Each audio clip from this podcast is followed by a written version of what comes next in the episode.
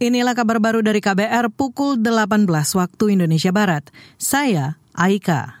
Presiden Joko Widodo menyebut terjadi penurunan produksi beras nasional karena kekeringan akibat fenomena Super El Nino. Presiden mencatat cadangan beras pemerintah di Perum Bulog sekitar 1,7 juta ton. Dari jumlah itu, masih akan ada 500 ribu ton beras impor yang masuk. Meski dinilai aman, pemerintah terus berupaya menggenjot stok agar bisa didistribusikan ke pasar. Ini yang saya melihat ke bawah itu untuk memastikan bahwa produksi itu masih baik. Tapi memang turun karena super El Nino. Tapi masih baik. Jadi jangan nanti kita apa terkondisikan wah kelihatan ngeri sekali enggak. Produksi masih baik tetapi memang terganggu sedikit oleh super El Nino. Presiden Jokowi mengklaim produksi beras tidak terganggu jika didukung irigasi teknis yang baik, semisal produksi beras di wilayah Kecamatan Sukra, Kabupaten Indramayu, Jawa Barat. Di sana, lahan pertanian mampu menghasilkan rata-rata lebih 8 ton gabah kering panen GKP per hektar, padahal di lokasi lain sekitar 7 ton GKP. Kabar Pemilu Kabar Pemilu Bakal calon wakil presiden Mohaimin Iskandar optimis akan menang pada pemilihan presiden 2024.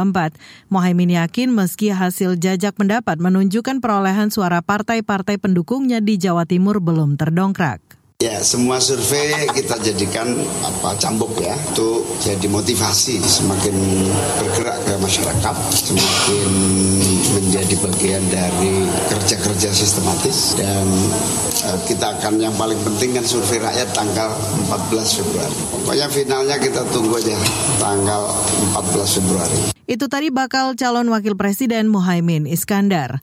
Sebelumnya, lembaga survei Saiful Mujani Penelitian dan Konsultasi atau SMRC mengungkap perolehan suara partai politik pendukung Anies Baswedan Mohaimin Iskandar di Jawa Timur justru masih lebih rendah ketimbang pemilu 2019.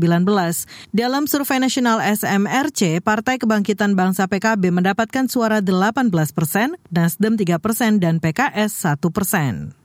Kita beralih ke informasi lain. Ratusan orang dari berbagai organisasi Islam di Yogyakarta melakukan aksi mendukung Palestina yang kini tengah berperang dengan Israel. Perwakilan masa aksi dari Ikatan Dai Indonesia IKDDIY, Endri Nugraha Laksana, mendorong pemerintah mengambil langkah serius untuk kemerdekaan Palestina. Visi itu telah digaungkan sejak era Presiden Soekarno. Tidak-tidaknya kita ingin berbicara kepada pemerintah, apakah pemerintah kemudian akan melakukan lobby-lobby diplomatik untuk mengatasi persoalan-persoalan di Palestina. Apakah itu berhasil atau tidak, tetapi kita mendorong pemerintah untuk melakukan hal tersebut. Endi Nugraha menambahkan solidaritas kepada Palestina juga sebagai bentuk penerapan pembukaan Undang-Undang Dasar 1945 yang mengamanatkan anti penjajahan.